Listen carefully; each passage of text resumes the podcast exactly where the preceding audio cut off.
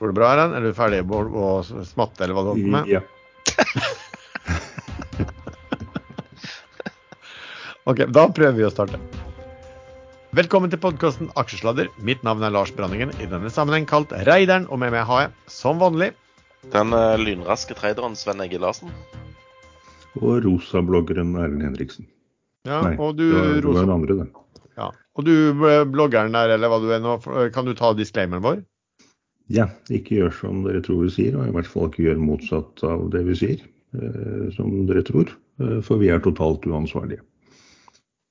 Ja, den, var jo, ble, ble, sikkert ingen, den ble sikkert ingen forvirret av i det hele tatt. Nei. Men vi ringer råd dersom du hører på hva vi sier her om markedet, aksjer, enkeltaksjer og livet for øvrig, er ansvaret helt og holdent ditt eget. Det kan forekomme feil i det vi sier i programmet, og panelet og panelets gjester kan være lang, kort, direkte eller indirekte eksponert i aksjer, selskaper og produkter som omtales i programmet. Du, eh, Sven. Du er jo kjent for å være en sånn PR-kåt fyr som stadig dukker opp på førstesidene i avisen. Har du vært ute og vifta med noen poser med pulver i det siste for å prøve å, å, å komme i media? Nei, jeg bruker ikke sånne simple triks for å komme opp og fram. Uh, her er det kun uh, 100% ærlig innhold som uh, gjelder. Rent mel i posen. Det er meg. Rent mel i posen. Nei, men eh, eh, du vil jo snakke om Sofie Elise, din favorittblogger, eh, som du følger i tykt og tynt. Eh, og hun var jo litt uheldig med et bilde, men var hun egentlig uheldig med bildet, eller tror Nei, det var såkalt product placement. Ja, for det, hun skal jo begynne å selge smågodt for Rema 1000, så dette var jo bare en liten prøve på hennes uh, nye hockeypulver, tipper jeg da. Eller bruspulver. Husker dere bruspulver? Du stakk sånn uh, slikkepinne nedi, og så Ja. Det stemmer det. Veldig bra. Jeg tipper det er noe sånt, jeg. Ja. Så bare deraila det helt totalt. Men eh, nå er jo blitt snakkis, og det bruspulveret kommer til å selge kjempegodt, tror jeg. Så Sofie Elise skal eh, pushe pulver i, til ungdommen gjennom Rema? Ja, ja, hun hadde jo inngått sånn smågodtavtale med dem. Ja. Så nei, jeg tipper det i den forbindelse. Ja. Altså Her er vi i podkasten som liksom løser hele mysteriet. Skal vi gå på det første vi bruker å snakke om, da? Sven, eh, jeg bare så eh, hittil i uken her. Eh, Oslo Børs ganske flat. SMP 500 i USA opp 1,4% Nasdaq opp 3% på de tre første handledagene. Eh, og hva har du gjort i uken så langt, Sven? Ja, nå er vi jo på torsdag, og det er en veldig rar dag å spille inn podkast på. Jeg føler at, eh, at dette blir feil på så mange måter. Men jeg skal prøve eh, å bidra på best mulig måte. Um, jo, jeg har gitt opp denne Horisont Energi eh, fordi jeg fant ut at Ferncliff, som vi påpekte sist, hadde jo økt med 90 000. Og dagen etterpå så hadde jo, hadde jo Ferncliff eh, redusert med 65 000. Og på dagens liste har de òg redusert. Eh, Volumet har tørka litt eh, ut der, så de har kun redusert med 14 000, og fortsatt 618 000 aksjer igjen å selge for to dager siden. Så der kommer det vel mer aksjer til salgs, tror jeg. Eh, jeg har òg sneket meg ut i Hyon. Den hadde seg et lite rønn i går over 60 øre.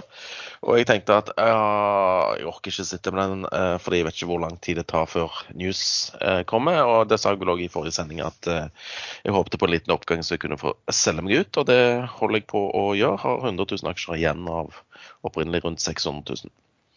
Eh, jeg har eh, sett på tallene for Q-Fri. De var relativt kjedelige. Dårligere marginer, men eh, veldig bra ordreinntak. Ja, det er ventecase. Det kommer ikke til å skje en dritt der, tror jeg, på, på lang tid. Men jeg har ikke solgt uh, aksjene mine der. Jeg kommer mest sannsynlig til å øke hvis den faller under seks kroner. Uh, jeg sitter og vurderer Ega fortsatt, men den er veldig uh, svak. Eh, jeg har kjøpt litt aksjer i Norsk Solar. Eh, ikke spør meg helt hvorfor, men eh, ja, litt sånn bull på det grønne. Men jeg vet ikke om det skjer noe der heller på en stund. Og så har jeg sett mine supply-aksjer i denne Olympic eh, gå til himmels. Eh, Det er unotert, eh, så veldig vanskelig å handle. Men da der kommer det en retta emisjon eh, på 921 kroner, og garantert av eh, Stig Remøy, største eier. Så fra å handle rundt 500, så bank smokk rett opp i 921. Men var ikke du inne og kjøpte deg på, på 300 eller noe sånt? Jeg kjøpte på 340, og jeg sitter fortsatt med de 1000 aksjene. Ja. Så det var jo ja, flott, det. Jeg, jeg fikk noen aksjer der eh, i forhold til det var noen dårlige lån som ble konvertert for uh, lenge siden. det, var så lite, det var- så lite verdt jeg nesten glemte og plutselig nå så er det jo blitt verdt litt. Så, Plutselig så har du til feriebudsjettet ditt i Marbella. og, og en del til, ja. Et ganske ja, stort budsjett, faktisk. da. Det er mye snø i området der, har jeg hørt. Rent mel i posen. Ja. Nei, det var det. Eh, nå, nå sporer jeg av igjen, så nå glemte jeg eh, Jeg tror ikke jeg har gjort noe særlig mye mer. Eh, jo, jeg, har- jeg har vært med i noen emisjoner og noen nedsalg, tror jeg. Men det, det er jo neste bolk. Det er neste bolk. Erlend, hva har du funnet på? Nei, jeg har egentlig gjort ganske mye nå, jeg. Eh, halvparten US-aksjer. Har hoppet litt mellom eh, en AI-aksje. Nå skal vi rippe opp, ja, du kjøpte den på 10 og solgte på 11 Sved, og den gikk til over 30. eh, men den kjøpte jeg på 20-tallet og tjente litt kroner på den. Eh, så kjøpte jeg den SI, eh, Silver Hva heter den for en? Silver. Silvergate. Det er noe sånn kryptogreie, men de lager hele miljøet rundt krypto. De stiller banktjenester og Så det er ikke, det er ikke ren krypto, men de er involvert i dette. De, der har BlackRock også kjøpt seg opp etter at Citadel kjøpte seg opp. Så de har tatt ganske store deler av det selskapet, og det gjorde de etter at kursen har falt noe grassat. Den var på over 100 i sommer og er på nå er den på 23 i prehandel akkurat nå, men det slutter vel på 22 et eller annet i går. Så den har nesten doblet seg fra bunnen eh, i sommer, nei, bunnen uh, i januar. Uh, og den sank vel veldig mye pga. generell kryptofall, men også denne AXT-skandalen med han, eh, han eh, Bankman Fried Fraud Sam. Eh, Så de fikk sekk på nakken der, men i og med at både Blacklock BlackRock og Citadel kjøper seg kraftig opp der, så kan man kanskje anta at det ikke blir noe ut av. Og da eh, vil jeg tro den har veldig høyt potensial. Den gikk eh, 25 den var opp i over 30 oppgang i går. Så der var jeg med på halvparten av den oppgangen, og det var moro. Og så kjøpte jeg noe som het Wish. Eh, Som jeg eh, De, de selger visst en masse ræl. Det er noe sånn nettbutikk i en eller annen form hvor man kan bestille alt mulig mellom himmel og jord, og det koster nesten ingenting. Eh, Men det er egentlig greit, fordi det hender visstnok veldig ofte at man ikke får det man har bestilt, eller man får noe helt annet, eller det er helt ødelagt. Men den aksjen dro vold- voldsomt på etter at det samme Citadel kom med en Twitter-runde. Sitron, sitron. Sitron var det, ja. Sitron Research, det er de som vanligvis gir ut sånne drittpakker. Sånn som De er som regel veldig sure, eh, derav navnet sitron. Men eh, nå ble det plutselig blid på den Wish, da. Ja, og det var sånn eh, fem, fem eh, Twitter-tråd på hvorfor den er så fantastisk bra. Det var noe med en reklame på Superbowl, visstnok. Eh, Så særlig mer enn det vet jeg ikke, men man trenger ikke alltid å vite så veldig mye om det man kjøper, så lenge momentet er kraftig og det går opp. Så den håper jeg bryter én dollar i dag, for da kommer den til å fortsette oppover. Sannsynligvis, kanskje. Det er sånn ræl fra Kina. Jeg har brukt den én gang for å kjøpe noe sånn Jeg husker ikke hva det var. Det var tull og tøys. Eh, Men det kom det, altså. Etter to måneder i posten. Ja, det kan du se. Det funker innimellom. Men den har jo vært, eh, som alle disse aksjene, den har jo vært veldig mye høyere. Eh, Wish Skal vi ser på to år. Da var den på over 20 dollar. Så det er jo alltid morsomt med sånne aksjer som er totalslaktet og snur opp. Men den eh, aksjen som virkelig er interessant, er jo denne Silvergate. For hvis det stemmer at den er over 70% short, eh, og den begynner å dra oppover, da, da får man Da er det ganske stor sannsynlighet at man faktisk får en short squeeze, som er alle tredjere drøm. At man sitter i en aksje som, hvor alle shortene må dekke seg. Det skjer nesten aldri. Eh, Men akkurat den kan det skje. Men, men hvor kommer de opplysningene fra om, sånn, om short? Nei, det er jo ganske offisielle register i USA.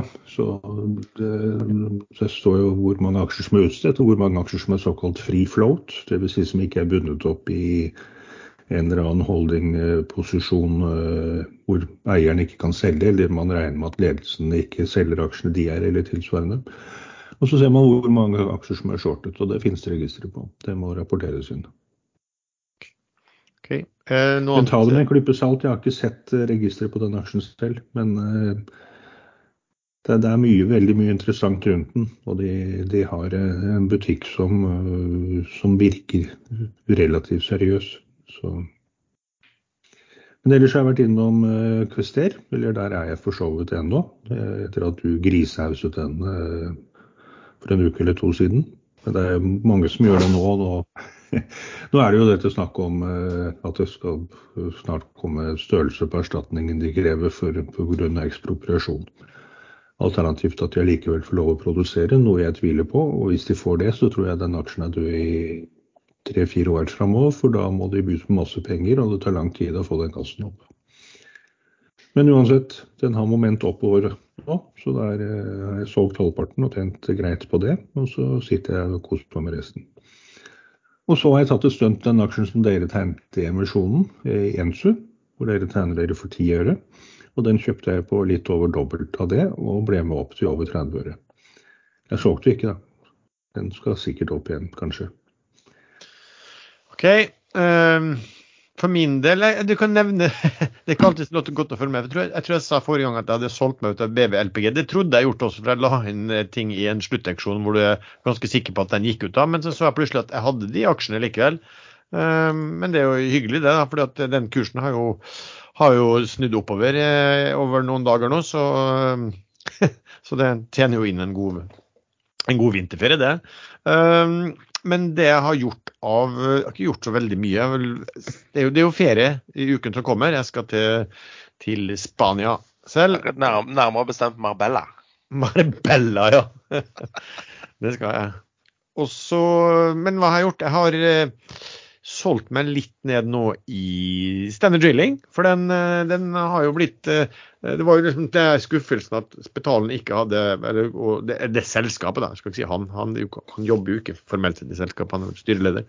Men de hadde ikke brukt cashen sin på noe til, til og gått glipp av veldig mye. men all liksom oppstuss om har jo også gjort at eh, tydeligvis, altså rabatten er gått inn en del. da. Han kjøpte jo på, på, at det var eh, høy rabatt, og da, kan, og da, blir det ofte at man selger seg litt ned når rabatten går inn igjen. Um, og så har jeg vært inne i Norwegian uh, og trada den. Solgte de siste nå for en liten stund siden. Ble liksom helt greit på en dag og to. Um, og så hva mer har jeg gjort her, da? Um, jeg har um, Jo, Kester, vet du. Den uh, eh, snakka om et par ganger. Da, og den, den, gikk jo Altså, den, den, begynte jo å gå veldig mye uh, egentlig ut fra for, forventningene om at det kommer en, eh, en at, de skal, at, de skal, komme med melding om hvor, hvor stort det kravet blir. Eh, og når den ga går fra ja, jeg tror det, jeg snakka med en, var den på rundt 1,60 eh, første gangen. Og så gikk den da til to, rundt 2,15 her en dag i uken. Eh, da kvitta jeg meg med dem. For da følte jeg da har de i hvert fall tatt ut ganske en, en, en ja, 50 øre, 30, opp eh, eh, i forhold til inngangen. Og så er det fort at hvis det kommer noen meldinger, så kan den her gå, helt sikkert gå, gå videre. Men ja, man tar det man vil er fornøyd med sjøl, også for andre. Sånn som Erlend får, den, får ta den uh, stafettpinnen uh, videre. Uh, så, så, så, sånn er det av og til at du kan sitte og posisjonere deg for at det skal komme en nyhet som du tror kommer til å være kurspåvirkende, men så kommer det andre til som også begynner å posisjonere seg. Så får du oppgang bare på ba, ba, også, også, i forkant av dette her, da. ja. Så stille og rolig. Det er ikke noe sånn eh, spesielt nye. Når man skal på ferie, så er det greit å, å ja, ikke, ikke, kaste seg inn i noen sånne ting som så du må følge spesielt godt med, i hvert fall på den, eh, de, de, dagene. Uh, OK, Sven. Emisjoner og nedsalg, hva, vi har vel en del der nå de uh, siste dager, har vi det? Jo da. Men eh, apropos gjort siste uken. Jeg glemte å si at jeg hadde økt i denne Biofish Holding eh, på en, eh, en 20 eh, Ja, rundt en 20-30. Eh, men der kommer det der er det i gang en reparasjonsemisjon. Så der kommer det 15 millioner nye aksjer til én krone. Så kanskje den kommer til å være litt svak eh, en liten stund til. Mulig. Uh, jo, uh, jeg var med i en emisjon i går i Reach Subsea. Jeg får ta den siste først. Uh, Tegna for en middel som vanlig. Fikk for, altså fikk 30 000 aksjer av 4,25. Det skulle vel bli ca. 12 tildeling. Aksjen handles nå på rett over 4,4, så den er opp 15, 15 øre fra emisjon. og det er typisk når du får så lite at, at de går bra. Jeg har òg tegna i uh... Men bep, bep, bep. Ha, du, du bruker jo uh, kan, vi kan, anta, eller, kan, vi ikke anta uten videre eller slå fast at du har solgt det, eller, men jeg antar at du har det? Nei, jeg har ikke solgt det. Uh, fordi når jeg får så lite, så gidder jeg ikke styre. Og så, jeg er egentlig ganske bullish til den aksjen, der, men jeg har bare sittet og sett på den fra den gikk til fire til fem. Og så tenkte jeg ja, jeg skal gjerne beholde disse. Jeg selger i hvert fall ikke før fire og en halv. Så det er mulig jeg selger på fire og en halv. OK. Ja, for den, den, gikk jo, har jo gått egentlig i løpet av de ikke mange dagene før, så gikk den vel fra lavt firetall opp til fem. Og så, og så satte de emisjonen ned igjen da, på en 15-16 ja, fra sist omsatte. De har jo skaffa seg eh, eh, altså eh, fartøy. De trenger fartøy for å utøve virksomheten sin. Og de eier jo ikke noe skip sjøl, eh, bortsett fra når de, når de kjøpt sammen med noen andre denne her Edda, Edda Sønn, er det det det heter? Um, og, og da trengte de penger. Altså, men nå har de sikra seg eh, båtkapasitet, og det er veldig viktig for de. Så det var mitt ankepunkt, at de måtte eh, betale dyrt for å leie inn sånne subsea-båter. Det markedet er jo helt koko eh, bullish for øyeblikket. Ja, fordi de bruker penger nå til å, å kjøpe sånne ubemannede overflatefartøy? Ja, vet du hva, dette kan du bedre enn meg. Jeg bare hører Reach Subsea, og så tenker jeg det er bull. Det var ikke Rich, men alt, Reach. reach, reach out and touch fates. Nei, uh, så det, det er Ja, Subsea og så, altså, sub, Alt med Subsea-navnet er, er, hot nå. Mm. OK, da har vi Reach. Uh... Jo, og så har jeg eh, tegna i en uh, en som jeg absolutt kan null og niks om. Men uh, Tore i Pareto ringte for en time siden og sa at uh, tegningsfristen utløper klokken tolv i retail-transjen og klokken to i, i, den institusjonelle, i noe som heter Seacrest Petroleum Brasil. Et eller annet. Jeg vet ikke helt hva det er. Det er noe oljeselskap som skal finne olje, eller har funnet olje. Jeg har ikke peiling. Men jeg tegner for 400 000 der, og så får vi se. Det er en green shoe, så jeg kommer vel alltid ut på even Steven der, hvis jeg er rask. Jeg har ikke peiling om han er bra eller dårlig, men uh, disse her ja, det, det, er veldig sprikende anslag på hva dette drittet er verdt. Men, du, det var, men, det ringte ikke noe bjelle da når du, ble, du bruker jo å si at når du blir ringt opp og spurt om du vil være med i misjon ja, Jeg vet jo at det går til helvete, men Tore er en grei kar og spanderer ofte øl og mat på undertegnede. Og han trenger også å Han skal sikkert òg på vinterferie med, og ja. han har sikkert ikke råd til å dra til Marbella, sånn som visse andre investorer har. Det er det sånn som kalles bestikkelser eller eh, Smøring, ja. Korrupsjon. Smøring heter det. Smøring, ja. ja. Nei, Så det går begge veier. Ellers så funker det ikke. I et forhold så må du gi og ta, Erlend. Det trodde jeg du visste. Det er singel, Sven. Nå du begynner å tenke over hvorfor. ja, da fikk jeg en liten oppvåkning. Nå må jeg tenke meg om, nå må jeg gå litt eh, inn i meg selv her. Det er ikke bare å få og få, du må gi. Og så må ikke gi faen, for det er òg feil. Men du, uh, hvor mye penger vet, uh, vet, du hvor mye totalt de henter inn i den IPO-en uh, i dette Seacrest? Secret Petroleum? Nei, jeg har ikke peiling. Beklager. Jeg håper ikke jeg får full tildeling heller. Seacrest Petrolea Bermuda Limited heter det. Ja, det er suspekt. Bermuda Limited. Uff a meg. Ja. Det Sånn er det. Uh, og da har vi vært gjennom de. Uh, og så har vi uh, Targovax, det kan vi snakke om. jo, men ta, var, det ikke noe annen, var det ikke noe annen misjon òg? Jeg føler vi har glemt noe. Airthings? Airthings, ja, den snakket vi så vidt om sist gang. 3,2 er aksjekursen under, og den var garantert, så den er don. Don deal og aksjekursen fortsatt under. Stemmer. Og så Ensu, Ensurge. Ja. Der vet jeg ikke om jeg har fått aksjer eller ikke, men eh, jeg tegna for 500 000, limit 0,1. Sendte mail til styreleder, eh, styreleders bror, eh, advokat og niese, føler jeg, for å få bekrefta tegning. Har ikke hørt en dritt etterpå. Men der er det andre som har hørt noe, og de fikk full tildeling. Ja, for de skulle jo hente mellom 40 og 60 millioner, og de endte på 50. Så jeg burde jo ha fått full tildeling eh, hvis det var sånn at de ville ha opp mot 60. Men jeg har ikke hørt en dritt. Ja. Så, og jeg har sjekka spamfilter og Men eh, hvordan er det i den emisjonen der, når de, når de fikk 50 og ville ha opp til 60? eh, Hvis da noen som har fått tildeling eh, sender en mail at de kan tenke seg litt mer, vil de da få det? Er det nå låst på 50, eller kan det øke? Nei, jeg tipper, tipper boka er, er don. Jeg tipper boka det også. Det, det, du, det du ikke helt vet, er jo eh, Det er jo om Jeg tror nok at de vil ta alt de kan få.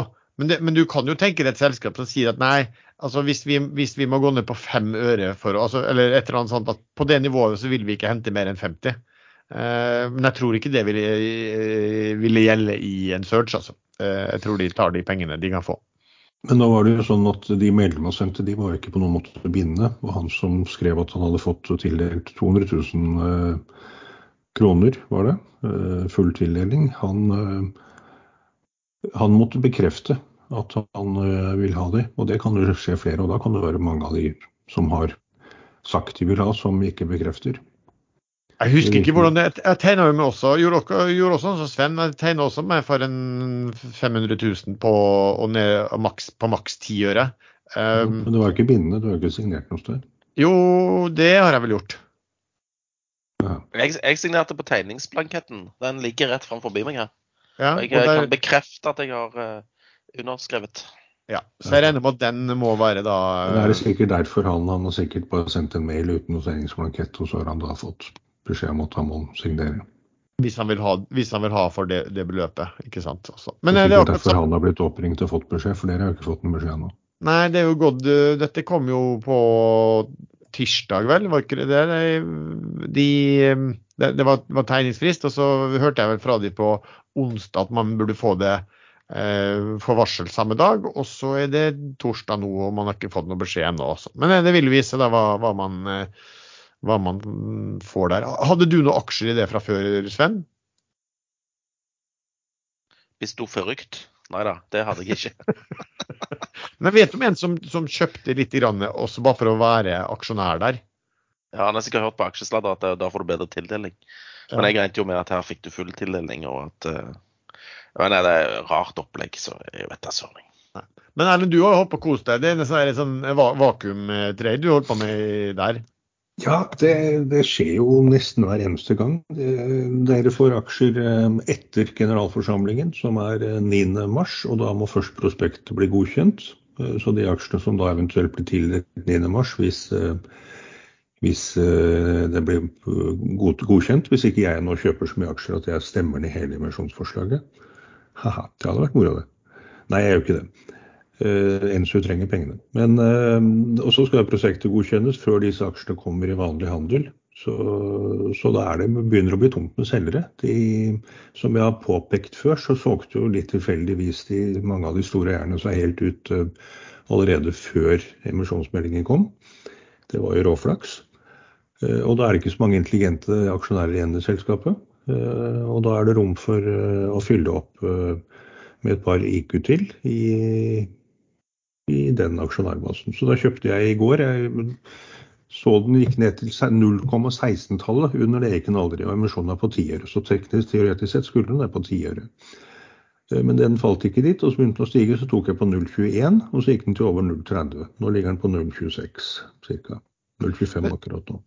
Men du, er Erlend, når jeg først har deg her, eh, og du kjøper litt eh, aksjer, da syns jeg du, du er ikke interessert i å, i å låne det til meg. Du skal faktisk få veldig, veldig god rente på det. Nei, der er det en liten hake. For hvis jeg låner de til deg, så får ikke jeg dumpet de ut før dere får aksjene. Og Og da faller kursen til ti øre. Ja, men du vet at du sånn kan kalle, du vet du kan kalle de tilbake. Da, Jeg kan jo lure, Lars. Jeg kan Ja. Eh, glemme å avtale det, så kaller jeg det tilbake en uke før generalforsamlingen. Så må du, eh, må du kjøpe det i markedet for 45 øre. Jo, men altså, man er jo ikke født i går heller. Eh, nesten. Eh, dette, måtte man jo, dette måtte man jo sikre seg. Men jeg, men jeg syns det var en, god, en veldig god tilbud. Da. Herved en veldig god, eh, en god Ja, det, og I og med at du syns det var et veldig godt tilbud, så vet jeg at det var et veldig dårlig tilbud. Men eh, nå Men- kommer en eh, oppsiktsvekkende melding fra Hunter Group, faktisk. Eh, management update. Eh, de stemte imot ekstraordinære utbytte på fire øre. For de mener at det er bedre at det, uh, cashen blir værende i selskapet, for de har uh, nye ting på gang. Mm. Det var jo management som overtok uh, aksjene fra Fredelig. Og nå har jo de tydeligvis mye aksjer å stemme for, så da stemte de rett og slett imot å dele ut fire øre. Ja, men bare ta litt der. altså, Vi har, vi har jo snakka om det. og De delte ut 1,8 per aksje, og kursen gikk. og Det lå vel igjen da, sånn regnesmessig, jeg tror jeg hadde regna med at det lå en fire, ø- fire øres pluss som de skulle gi utbytte, og ca. tre øre til. Og kursen der gikk jo til mange og, og godt over 20 øre, så alt veldig mye høyere. Og Arne Fredli begynte jo Han solgte jo litt. Eh, og så på ganske høyt nivå så solgte han resten til management på kurs tilsvarende hva som var nettcash. da Seks- etter disse. 6,75 øre, hvis jeg ikke husker feil. Ja, for Kursen gikk rett opp 16,6% på den meldingen der. det er ikke så lett å skjønne egentlig hvorfor den skal prises eh, høyere når det ikke vil gi, betale pengene ut til eh, aksjonærene. Eh, jeg, jeg tror nok at du kunne få en premium der og kanskje til en viss grad forklare det med at ja, Fredelig skulle finne på et nytt case, men nå er jo ikke Fredelig inne i det caset eh, lenger heller. Jeg tviler på at de, de som sitter igjen der, kanskje har samme tiltrekning på Det er jo ikke så ofte da at du, du kan si at nå skal vi investere i et skip, og du skal få bli med, og du må betale uh, mer enn hva vi har ja, hva skipet er kjøpt for, på en måte. Så, uh, ja, så vi får vel se, da. Men der ble det jo, det var jo litt uh, ja, rykter om Fred, at Fredrik skulle være med videre, og han skulle satse på noe sånt. kom noen tullegreier om at han skulle bruke dette til Formel 1 eller et eller annet. Altså han, kalte det vel sjøl for noen t- tryllehistorie på nett, som han sa. Så Men eh, ja, da skal jo da er det jo, altså for, Siden management kjøper det, så er det jo fornuftig av dem å ikke dele ut pengene. Da trenger jo de ja, pengene der, og det er jo fint at de kan bruke pengene til lønn også videre. Eh, vi har vel noen flere som er på jakt også, Sven, etter penger. Softox, jeg vet ikke om du så den meldingen? Så bare at de tapte penger som vanlig. Og at de hadde inngått et kortsiktig lån på var det 25 millioner for å dekke løpende utgifter. Så det koster å drive sånn eh, hånd, desinfiseringsselskap. Det var visst noen tildelte EU-midler som ikke de hadde fått ennå, som var forsinket. Eller eh, Ja. kommer senere enn de tror. De, de, jeg tror, ja, ikke sant? de hadde fått eh, noe EU-støtte, og så trodde de at alt kom på en gang, men det kom visst i rater, og det gjorde at det krasja litt eh, deres idé om eh, likviditet. Altså Nå sto det vel at de, de hadde hva var det de hadde meldt, da? at de hadde veldig anstrengt eh, likviditet og måtte gjøre noen ting fort. Men dette er jo det som har kjennetegnet Softox-ledelsen eh, siden de kom på børs. At de virker ikke være profesjonelle nok i hva som skjer. De skal selvfølgelig vite nøyaktig når de får disse utbetalingene. Ikke tro og regne med. Dette er jo 100 garantert noe som har eh, vært mulig å finne ut av. Men så kan vi jo snakke litt om den som kanskje er eh, spesielt interessant, da, som kom vel da melding om i dag. Eh, er det en Targovaks? Hva er det som skjer der? Jo da, nå har Targovaks eh, endelig påstår de klart å finne noen som er villige til å finansiere dem opp. Og da går de for konvertible lån som skal utbetales i rater. eh, Opptil 300 millioner kroner i diverse transjer. Og da ringer alle alarmklokker med en gang. Da tenker jeg dødsspirallån, så går jeg inn og leser meldingen. Og der står det at uh, långiver, som er et eh, mikroselskap eh, basert i London, skriver de i meldingen, men de skriver ikke at det er registrert på Cayman Island. Eh, det er én eier i det selskapet, Og han står oppført som eneier i et par andre selskap i London også. Så det, det, som alltid skjer i sånne situasjoner, det er at det sitter sånne profesjonelle dødsspirallångivere og sender mailer til selskap i, rundt i hele verden som de ser er distresst økonomisk. Uh, og så griper en eller annen i ledelsen i Targovax da, i dette tilfellet fatt i den mailen og sier at her har jeg fått et tilbud som kan redde oss. Vi kan låne opp til 300 millioner kroner, og det kommer til å redde oss. Men av de 300 millioner kroner så trekkes det 8 eh, med en gang, gjerne fra det første avdraget, første transje de skal trekke. Så da får allerede långiveren 8 eh, av 300 millioner kroner, og det skulle vel bli 3 ganger 8 er 24, 24 eh, millioner kroner. Og det vil jeg tro dekker hele det første avdraget som de skal ha, eller mesteparten av det. Så, så et sånt dødsspirallångivere de trenger egentlig ikke kapital i det hele tatt. For de får pengene av selskapet, og de får gjerne også aksjer up front som de dumper i selskapet. Og grunnen til at de dumper aksjene i markedet, mener jeg, det er for da faller kursen før den første konverteringen, så de får flest mulig aksjer på lavest mulig kurs. Og så kan de gjerne la kursen stige innimellom, eh, mellom hvert trekk, for da kan de selge aksjene sine lenger opp. Og så gjør det samme en gang til. Eh, Targovax påstår at de har laget gode avtaler på hvor mange aksjer eh, denne långiveren kan selge etter at de har fått konvertert, konvertert til aksjer. og det må de gjerne tro at de kan kontrollere, men det kan de ikke. For dette her eh, kan de bruke nominikontoer til, og de kan shorte og de kan nakenshorte. Det er full pakke. Ja, det var det, det var bare, Unnskyld, at jeg avbrøt deg, men, men, hvis du inngår avtale og sier at den, den eh, konverterbile långiveren da, etter, etter konvertering at det er begrenset hva de kan selge, men ja. hvis de allerede har solgt på forhånd og solgt ned aksjen via shorting Ikke sant. Jeg har sett mange sånne avtaler hvor de påstår at det er eh, långiverne ikke lov til å shorte. Men hvordan, eh, unnskyld, hvordan i helvete skal de klare å kontrollere det? De kan shorte via stråmenn, mellommenn, andre selskap.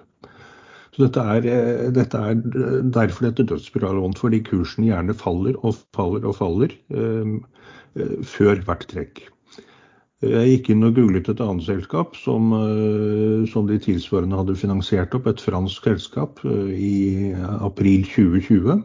Da var kursen på rundt 1,3 eh, et eller annet frang, eller hva det måtte være. Nå er den på 0,03. Så bare det siste året har den falt med 90 og Det som er det ultimative målet til disse dødsspiralrådgiverne, det er å shorte kursen under pålydende, for da kan ikke selskapet utstede flere aksjer. Eh, og da klarer ikke selskapet å oppfylle låneforpliktelsene sine. Og da kan, kan eh, långiver inntre pantene sine, som de har i alle assets, hvis det er noe verdier i Targovaks. Så dette er eh, helt utrolig at norske selskap, børsnoterte på Oslo hovedlisten, kan finne på å gå inn på sånne avtaler. Dette har skjedd så mange ganger før, det har blitt advart så mange ganger. Og allikevel så gjør det det. Jeg fatter ikke. Jeg vurderer å kjøpe én aksje for å få talerett på den generalforsamlingen som skal godkjenne det til lånet. Ha. Jeg stusser bare litt når jeg så på det, at, at liksom, din finansiering på inntil 300 millioner i et, eh, i et mindre norsk sånn, ganske tidlig fase. Da. Det er vel noe i, i, som de starter med i fase to. Men, eh, men det, er tidlig, det, er jo fortsatt tidlig, da, og det er fortsatt langt løp igjen. Eh, og vanskelig å få finansiert. Og det plutselig kommer da 300 mill. Eh, og, og fra konvertible obligasjoner og sånn. Så, men det er klart, altså jeg vet, jeg kan jo ikke 100 si at det er en, en, dårlig avtale. Måtte man kanskje lest avtalen på. Men jeg, nei, jeg trenger ikke. Det er, nei, det er, men, men jeg, jeg, skjønner jo din eh, mistanke. Den virker jo ganske rimelig, eh, for å si det sånn. da. Eh, men av og til, altså Den type selskap vel veld, har vel ekstremt vanskelig for å få finansiert seg også for tiden? Jo, de har det. Men i Norge så er det faktisk aktiv dødshjelp er forbudt. Da må de reise til eh, Sveits eller Nederland eller et eller annet sted for å få lov å gjøre det. Så dette er, det burde vært forbudt. Finanstilsynet burde gå inn og forby sånne avtaler. De bærer akkurat det samme kjennetegnet alle sammen. Långiver kan ikke tape penger på dette her, for de eh, får utbetalt cash up front. I dette tilfellet 8 av, av totale lånebeløpet. Og hvis eh, Targovac skulle finne på å bryte avtalen, så skal de ha betalt 110 av, eh, eller 10% i bruddgebyr. Eh, og de kan shorte underveis. Så for långiver, som da nesten ikke trenger kapital for å starte opp en sånn lånefinansiering, for det er det egentlig selskapet som indirekte finansierer, så, så er dette gull hele veien. Men for Targovac er det dødsstøtte hvis de da ikke plutselig skulle klare å komme med en melding som er så god at kursen at interessen blir så stor at disse konverterte aksjene kjøpes opp og svelges unna med en gang. Det har skjedd før. Ja, for Vi har jo sett de dødsspirallånene fra en, en, del norske selskap før som det har gått riktig ille med kursmessig. Og det, og det gjør det Element, eh, der skjedde det. Ja. Men der gikk kursen først eh, faktisk sky high. Den gikk tigangeren eller sånn, sånt mens det første dødsspirallånet ble konvertert. Fordi interessen ble så voldsom i det selskapet. Men så gikk de selvfølgelig inn på en avtale til, og da gikk kursen ned til nesten til bare kurs før de klarte å komme seg ut av den avtalen. Induct alle de samme. Ja. hva heter Lavo, Lavo TV? Ok, hadde de, var de også hadde de, også, de hadde også noen sånne dødsballgreier. Ja. They sure know how to pick them, ja. ja, det er bare å sende ut nok mail etter distressed selskap, så får de Så biter de på innimellom. Jeg så faktisk at den Hunter Group den var opp 30 nettopp, og nå er den eh, opp 13, et eller annet prosent. Nei, 21 er den opp. Ja, akkurat nå, ja. Men det var nettopp 13 som ja. spinner opp og ned. Altså, Hvorfor, et, hvorfor den stiger fordi at eh, ledelsen eh, nedstemmer utbytteforslaget, er overstiger totalt min ja, ja, Det verken tilfører eller trekker fra verdier. Enten hadde man fått de 400 utbetalt, eller så ligger det i selskapet. Så det er jo det er nullsumspill sånn egentlig. Ja, Og ikke ha, kan de ha noe sånn superinteressant som de vil satse på, siden, vil jeg tro, siden eh, Fredelig har, eh, har, har solgt alt. Så um, Men eh, de, de, for, for, å være slem, da, så kan de jo tjene mer enn De kan jo tjene inn en investering sin veldig godt hvis de sitter der og har, og har god lønn en lang periode uten å finne på noe men dette er vel folk fra shippingbransjen, ikke det? De ja, det, det, er det, det er bare tull jeg sier det. For det er jo skikkelig folk der. Så, så de sitter vel der og har et selskap, ikke sant. Og, og, og har vel levert eh, grei avkastning til eh, aksjonærene. Og så ser de for muligheten til å, å ja, komme med et nytt forslag til aksjonærene. Og det, det, er, helt, det er jo helt fair. Men eh, jeg ser nå at Link Mobility er opp 23 nå, Lars. Oi. OK. Um, ja, for altså, jeg prøvde å legge inn Den, den kursen var vel sist omsatt på 9,7 eller et eller annet. Så den gikk stakk i været. For jeg så det kom da en analyse fra Sparebank1 som økte kursmålet fra 10 til 25. Uh, eh, Petter i Sparebank1 som er veldig flink på teknologi. Og da tenkte jeg, og så så jeg den kursen begynte å gå, og så la jeg inn uh, Skulle ta ut det som lå der på 10. Uh, men det som da skjer, uh, sånn tradingmessig, er jo at når, man, når, den kursen kom, og det kom, bidet kom på ti, så ble det jo innført en sånn automatisk sånn circuit breaker, for da hadde den steget eh, var det 5% eller et eller annet sånt. Eh, eller var det mer? I alle fall så ble det stopp på den. Så, og da får du ikke plukka den posten, for da kom det jo masse andre til da, mens den posten, eh, mens den eh, circuit breaker foregikk. Um, og da, ja, da orka jeg ikke sitte og følge med så mye på det. men, men du, tenk, du, tenkte ikke på det? At nå går han rett i circuit breaker hvis jeg tar ut den?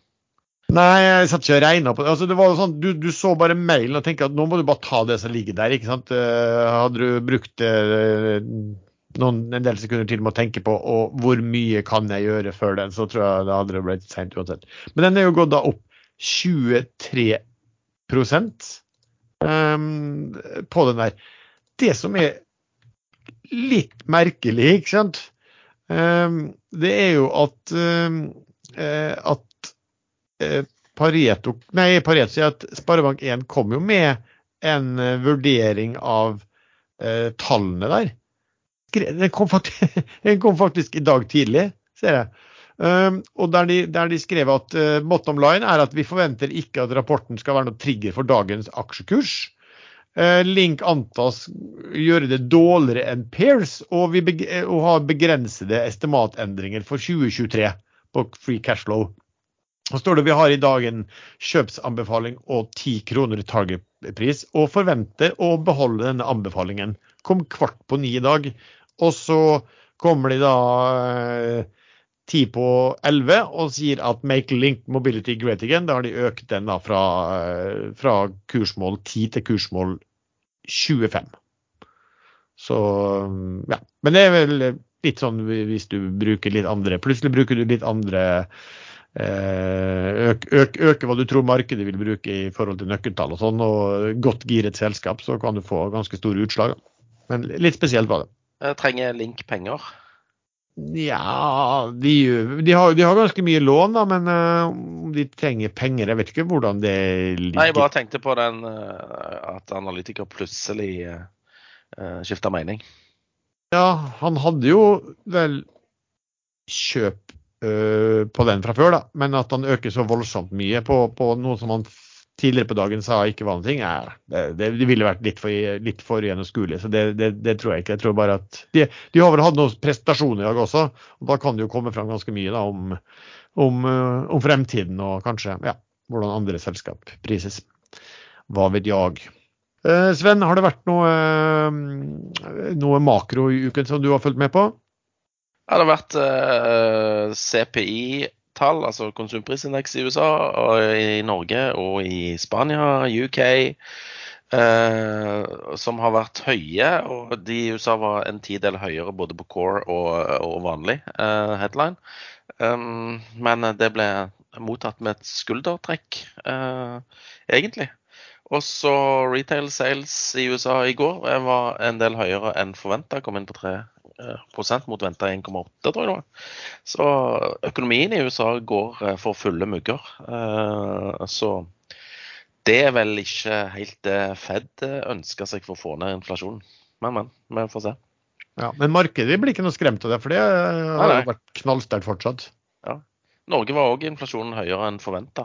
Så der kan vel kanskje tro at det blir noen rentehevinger til etter hvert. Eh, I UK litt lavere enn forventa, men fortsatt over 10% så eh, ja. Ganske stikk i saker. Uh, Erlend, Sist gang snakka du jo en del om dette med Saptek og den konkurrenten i, i Sverige. Hva er det som har skjedd der? Ja, øh, nå solgte jeg selv her i går forgårs, eller i går var det vel, for da kom Saptek med et svarbrev hvor de ikke la seg flate, men de mener at de oppfyller alle krav, og har eh, begrunnet dette overfor de svenske myndighetene. Eh, og da tenkte jeg at da faller kursen sikkert litt på det. Eh, men det virker litt rart, fordi dette er vel noe som det svenske elsikkerhetsverket har hatt en dialog med dem om i over et år. Og når Saptek da, når Easy da velger å og sikkert påstå det samme som de har gjort hele veien, kanskje begrunne det litt bedre, så, så, tviler jeg sterkt på at de kommer til å få gjennomslag for det.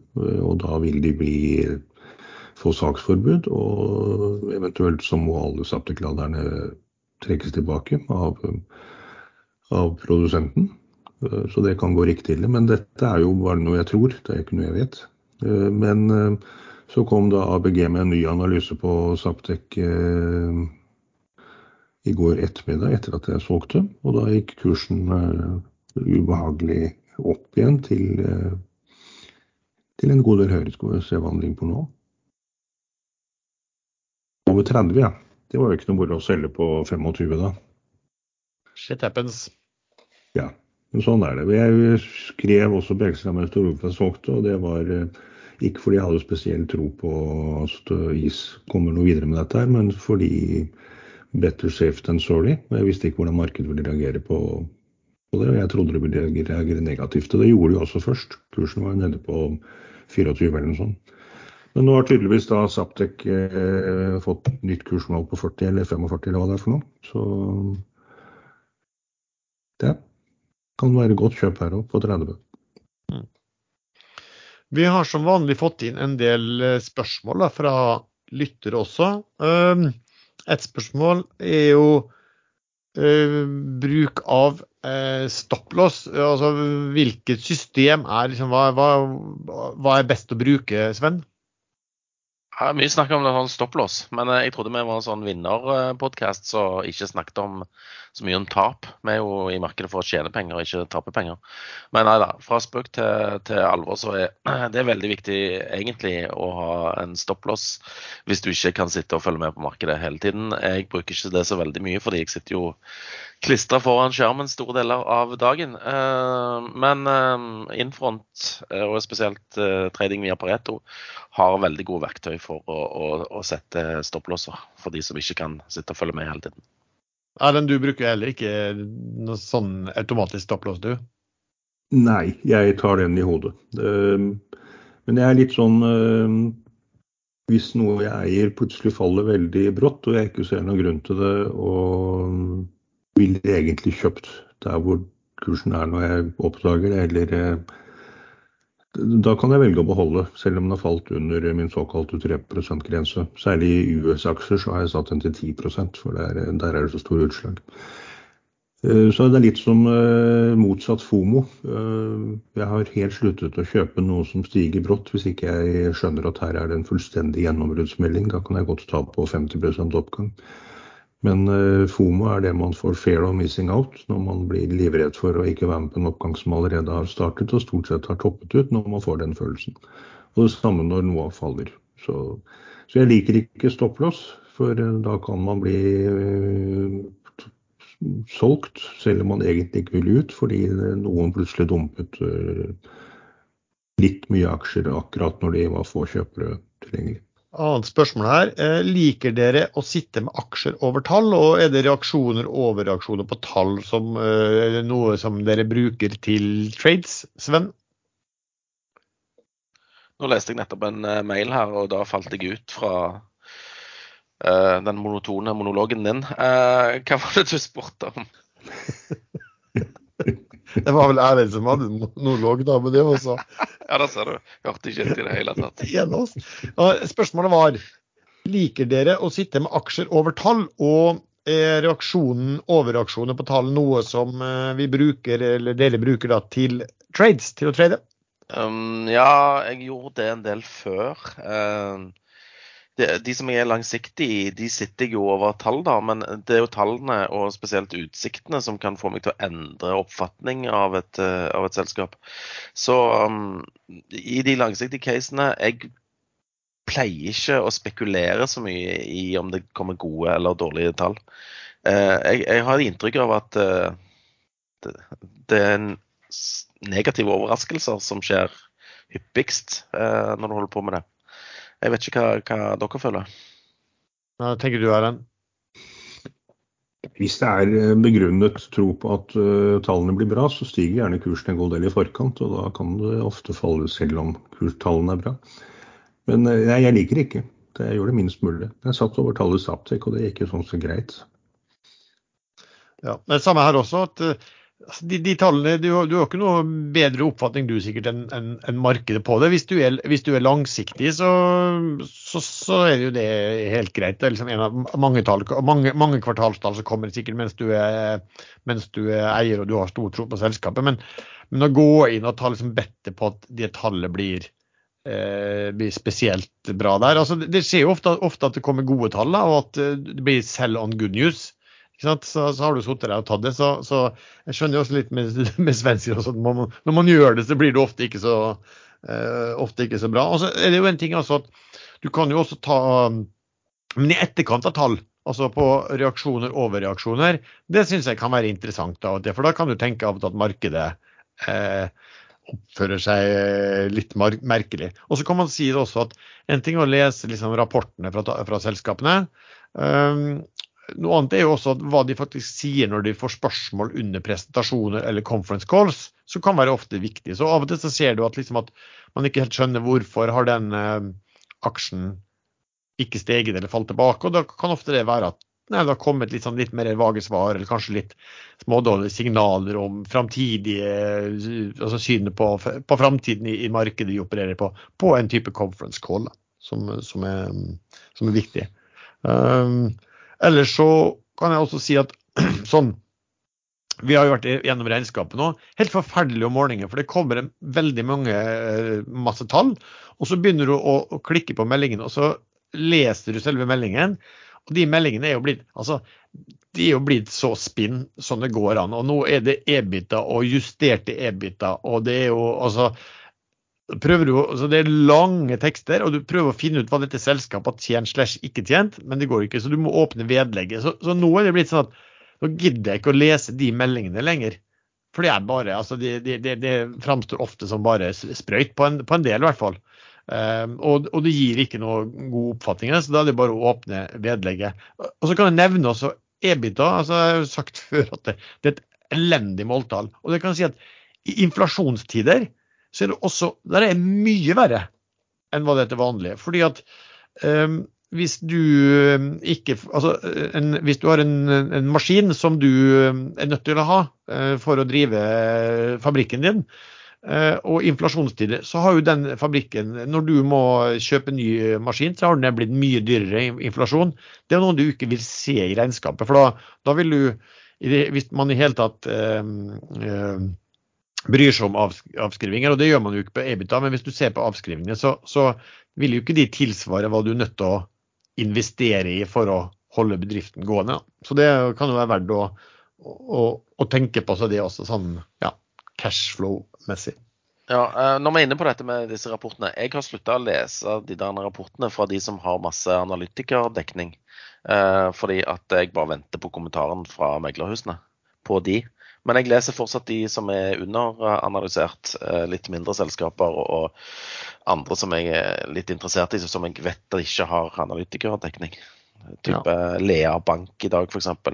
Knalltall og aksjene opp 7 Det virker veldig Eller nesten 9% nå. Det virker eh, eh, fornuftig. Mm.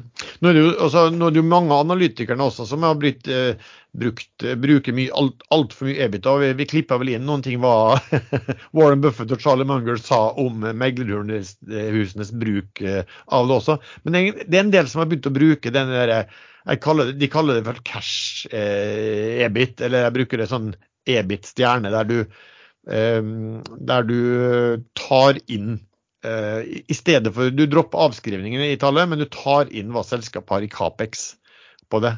Eh, da får, også, da får, du også, hensyntatt det her med inflasjon. Da. Så det er veldig, Når jeg ser at eh, analytikere også bruker det tallet, da, da, da legger, får de en stjerne i min bok. og så tenker jeg at De analytikerne de skal jeg sitte og følge med på hva de, hva de mener. fordi de ikke, Det er ikke de som er så interessert i å sitte og pynte på ting, som eh, dessverre en del vil, andre vil være. Jeg har fått et spørsmål om uh, gåse, som vi har snakka om en del før. Uh, Sven han har jo flagga over 10% i dette Frøy brønnbåtselskapet. Uh, betyr det at du tror det blir at han kommer med et bud? Tror du det blir budkrig? tror du det er god risk reward å kjøpe seg inn i Frøy nå? Jeg tipper han gikk over 10 for å slippe å, å sitte med risikoen for å bli tvangsinnløst. Eh, så jeg tror han er veldig interessert i, i Frøy, uh, men jeg tror ikke han har lyst til å overbetale. Nå har han sikra seg at han i hvert fall ikke blir tvangsinnløst, hvis det kommer noen andre og byr.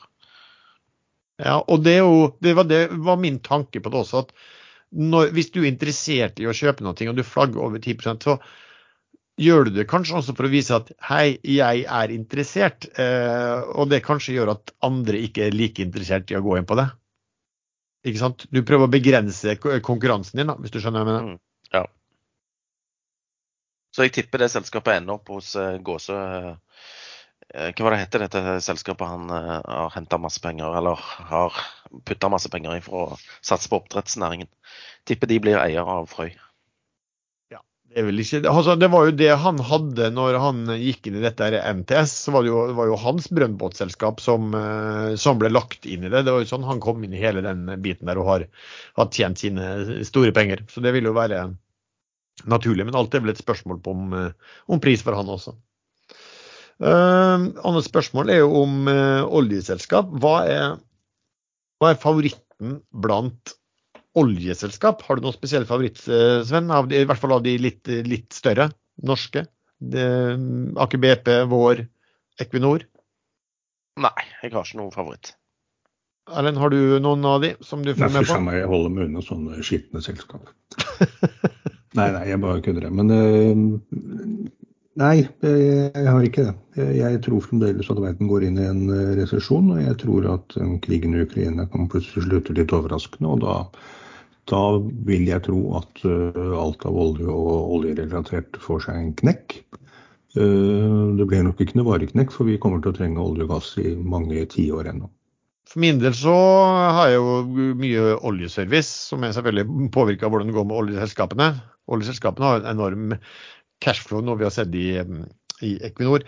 Altså hvilken av de, nei, altså Siden jeg ikke eier noe, så har jeg ikke noen oppfatning. Det jeg kan nevne om vår, som er bare litt interessant, er jo at de, der fikk man jo Retails får jo, fikk vel bonusaksjer, hvis jeg husker riktig, som, som de får eh, hvis de har sittet med det ett år. Jeg syns jeg så et sted at de kommer dem i hende jeg tror det var den 22. eller 23. altså om en uh, ukes tid, neste torsdag kanskje.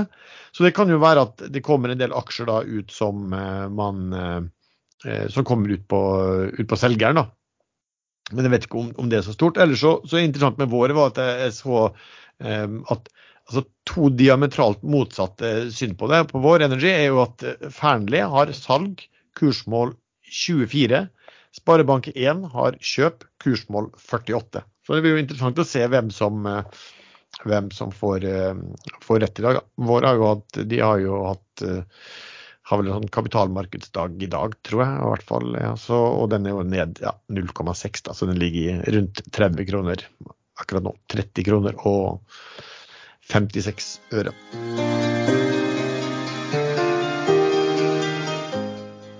Aksjesladder sponses av IG. IG tilbyr en smidig tradingopplevelse direkte i din mobil, hvilket gjør det mulig trading hvor enn du er og når du vil. Du får tilgang til tusenvis av markeder, deriblant aksjer, valuta og indekser, i et brukervennlig grensesnitt. Last ned appen for å ta del av flertallet funksjoner on the go. Du kan bl.a. se hvilke posisjoner IGs kunde ligger i akkurat nå. Grip muligheter mens du er på farten. Last ned IG-appen i dag og begynn å trade. Og husk, all trading innebærer høy risiko.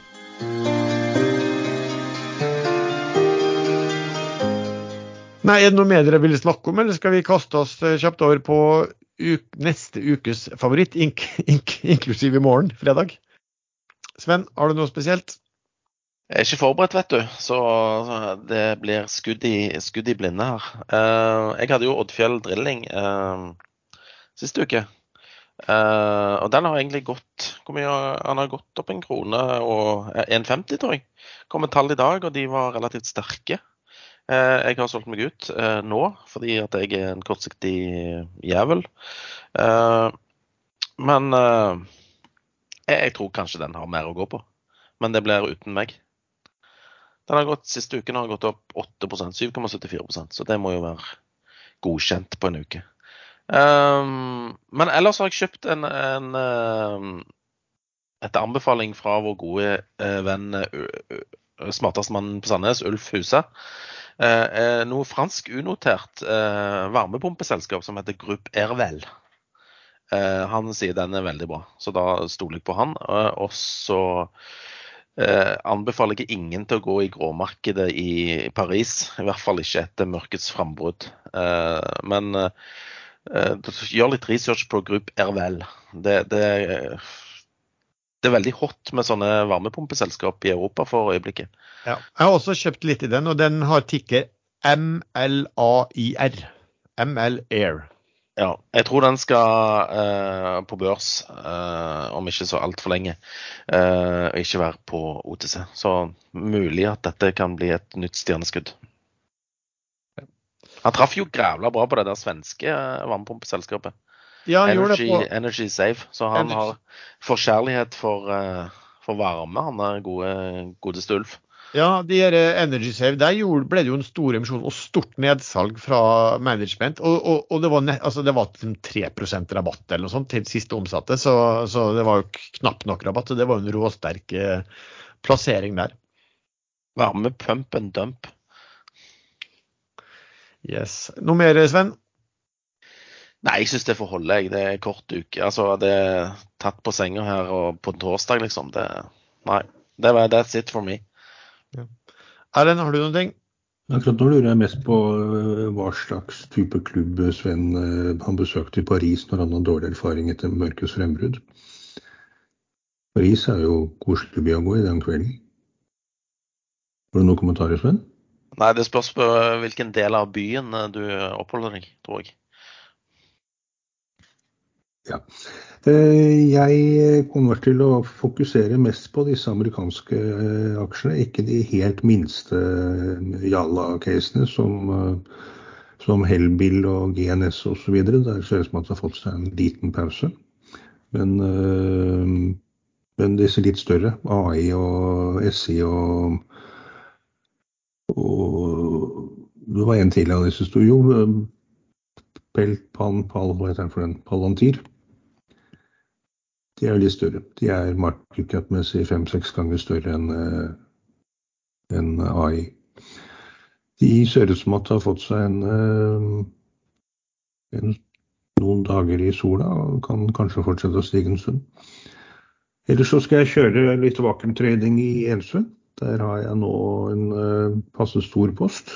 Uh, man vet aldri når sånne vakuumcase går, når de roer seg ned, og hvor lenge de roer seg ned. Men det er lenge til 9. mars, og da vil jeg tro at kursen skal dras ganske voldsomt opp i den tiden. Men dette er ekstremt high risk trading, og det trenger ikke å skje. Ja, QEC kommer til å trade meg ut og igjen av. Den går aldri så høyt som man tror, så fort som man tror, men den kan gå mye høyere enn man tror, og den kan falle mye mer enn man tror. Zapp er nok litt ferdig med å trede nå, i og med at den har gått såpass mye. Da, da, blir det mer som et sånn seriøst case for de som liker å eie noe som kan bli bra på lang sikt. Og lang sikt alt mer enn tre timer. Uh, ja. That's, That's it. it. That's it. Ja, for min del, um, som jeg sa, uh, ferie, heller å slappe av litt. Uh, jeg sitter jo med mine Altså den den, den, den, den Hafnia den bare, den, den bare dundrer og går uh, dag for dag. Er opp 1,7 i dag. Ser ut til å stoppe, stoppe igjen på ny, opp 1,9 akkurat nå. Ser ut til å stoppe på all time high igjen. Der er det en, en konkurrent av de som heter Scorpio Tankers, og jeg tror de leverer tall eh, i dag. Uh, og hvis de, eh, Der er jo ikke så veldig interessant egentlig hva de leverer i, har levert i forrige kvartal, men der, bruker de også å fortelle hva de har hva, hva raten er på det de har slutta hittil i, i, i kvartalet og litt framover, som, som, også vil påvirke Hafnia. Men der har jo disse produkttankratene har jo da steget veldig kraftig nå de, helt, den helt eh, siste tiden. Um, ellers er det også sånn ja, DVD også er, altså Deep Value Driller har jo også gått veldig fint uh, i det siste. Jøss, nå går uh, Seedville opp 2,6% sånn leker vi. OK. Uh, nei, men uh, hvis dere ikke uh, har noe mer å si, da, gutter, så tenker jeg vi takker til, så mye til deg som har lyttet til denne episoden. Du treffer oss stadig vekk chatten inne på Ekstrainvestor. Vi har også en gruppe på Facebook som heter podkasten Aksjesladder. Musikken er som vanlig laget av sjazz.com, og vi høres. Er det rimelig å anta at det ikke blir noe innspilling neste fredag, fordi da har du nesa langt oppi godteposen til Sofie Elise? vel, På neste fredag så tror jeg faktisk jeg er på vei hjem. Jeg reiser i morgen tidlig. og så jeg tror jeg reiser hjem neste fredag, eller kanskje det var lørdag. Jeg husker ikke helt i farta. Okay. Så jeg tror vi, jeg tror vi, jeg tror vi dropper. Men det, hvis ikke dere vil ha en, da? Nei, Det går greit for meg. Men jeg, jeg begynner på vinterferien min da, neste fredag. Så da, uh, det er vel rimelig å anta at uh, jeg òg er oppe i snøen da uh, uken etterpå. Rent mel i posen og hvit snø? jeg, jeg, skjønte faktisk ikke det. Er, det, er bedre enn, det er bedre enn gullsnø, i hvert fall. Watch out where the huskies go, don't you eat that yellow snow. Hvem har det i sangteksten sin? Det, det, det, det er Frank Zappa. OK.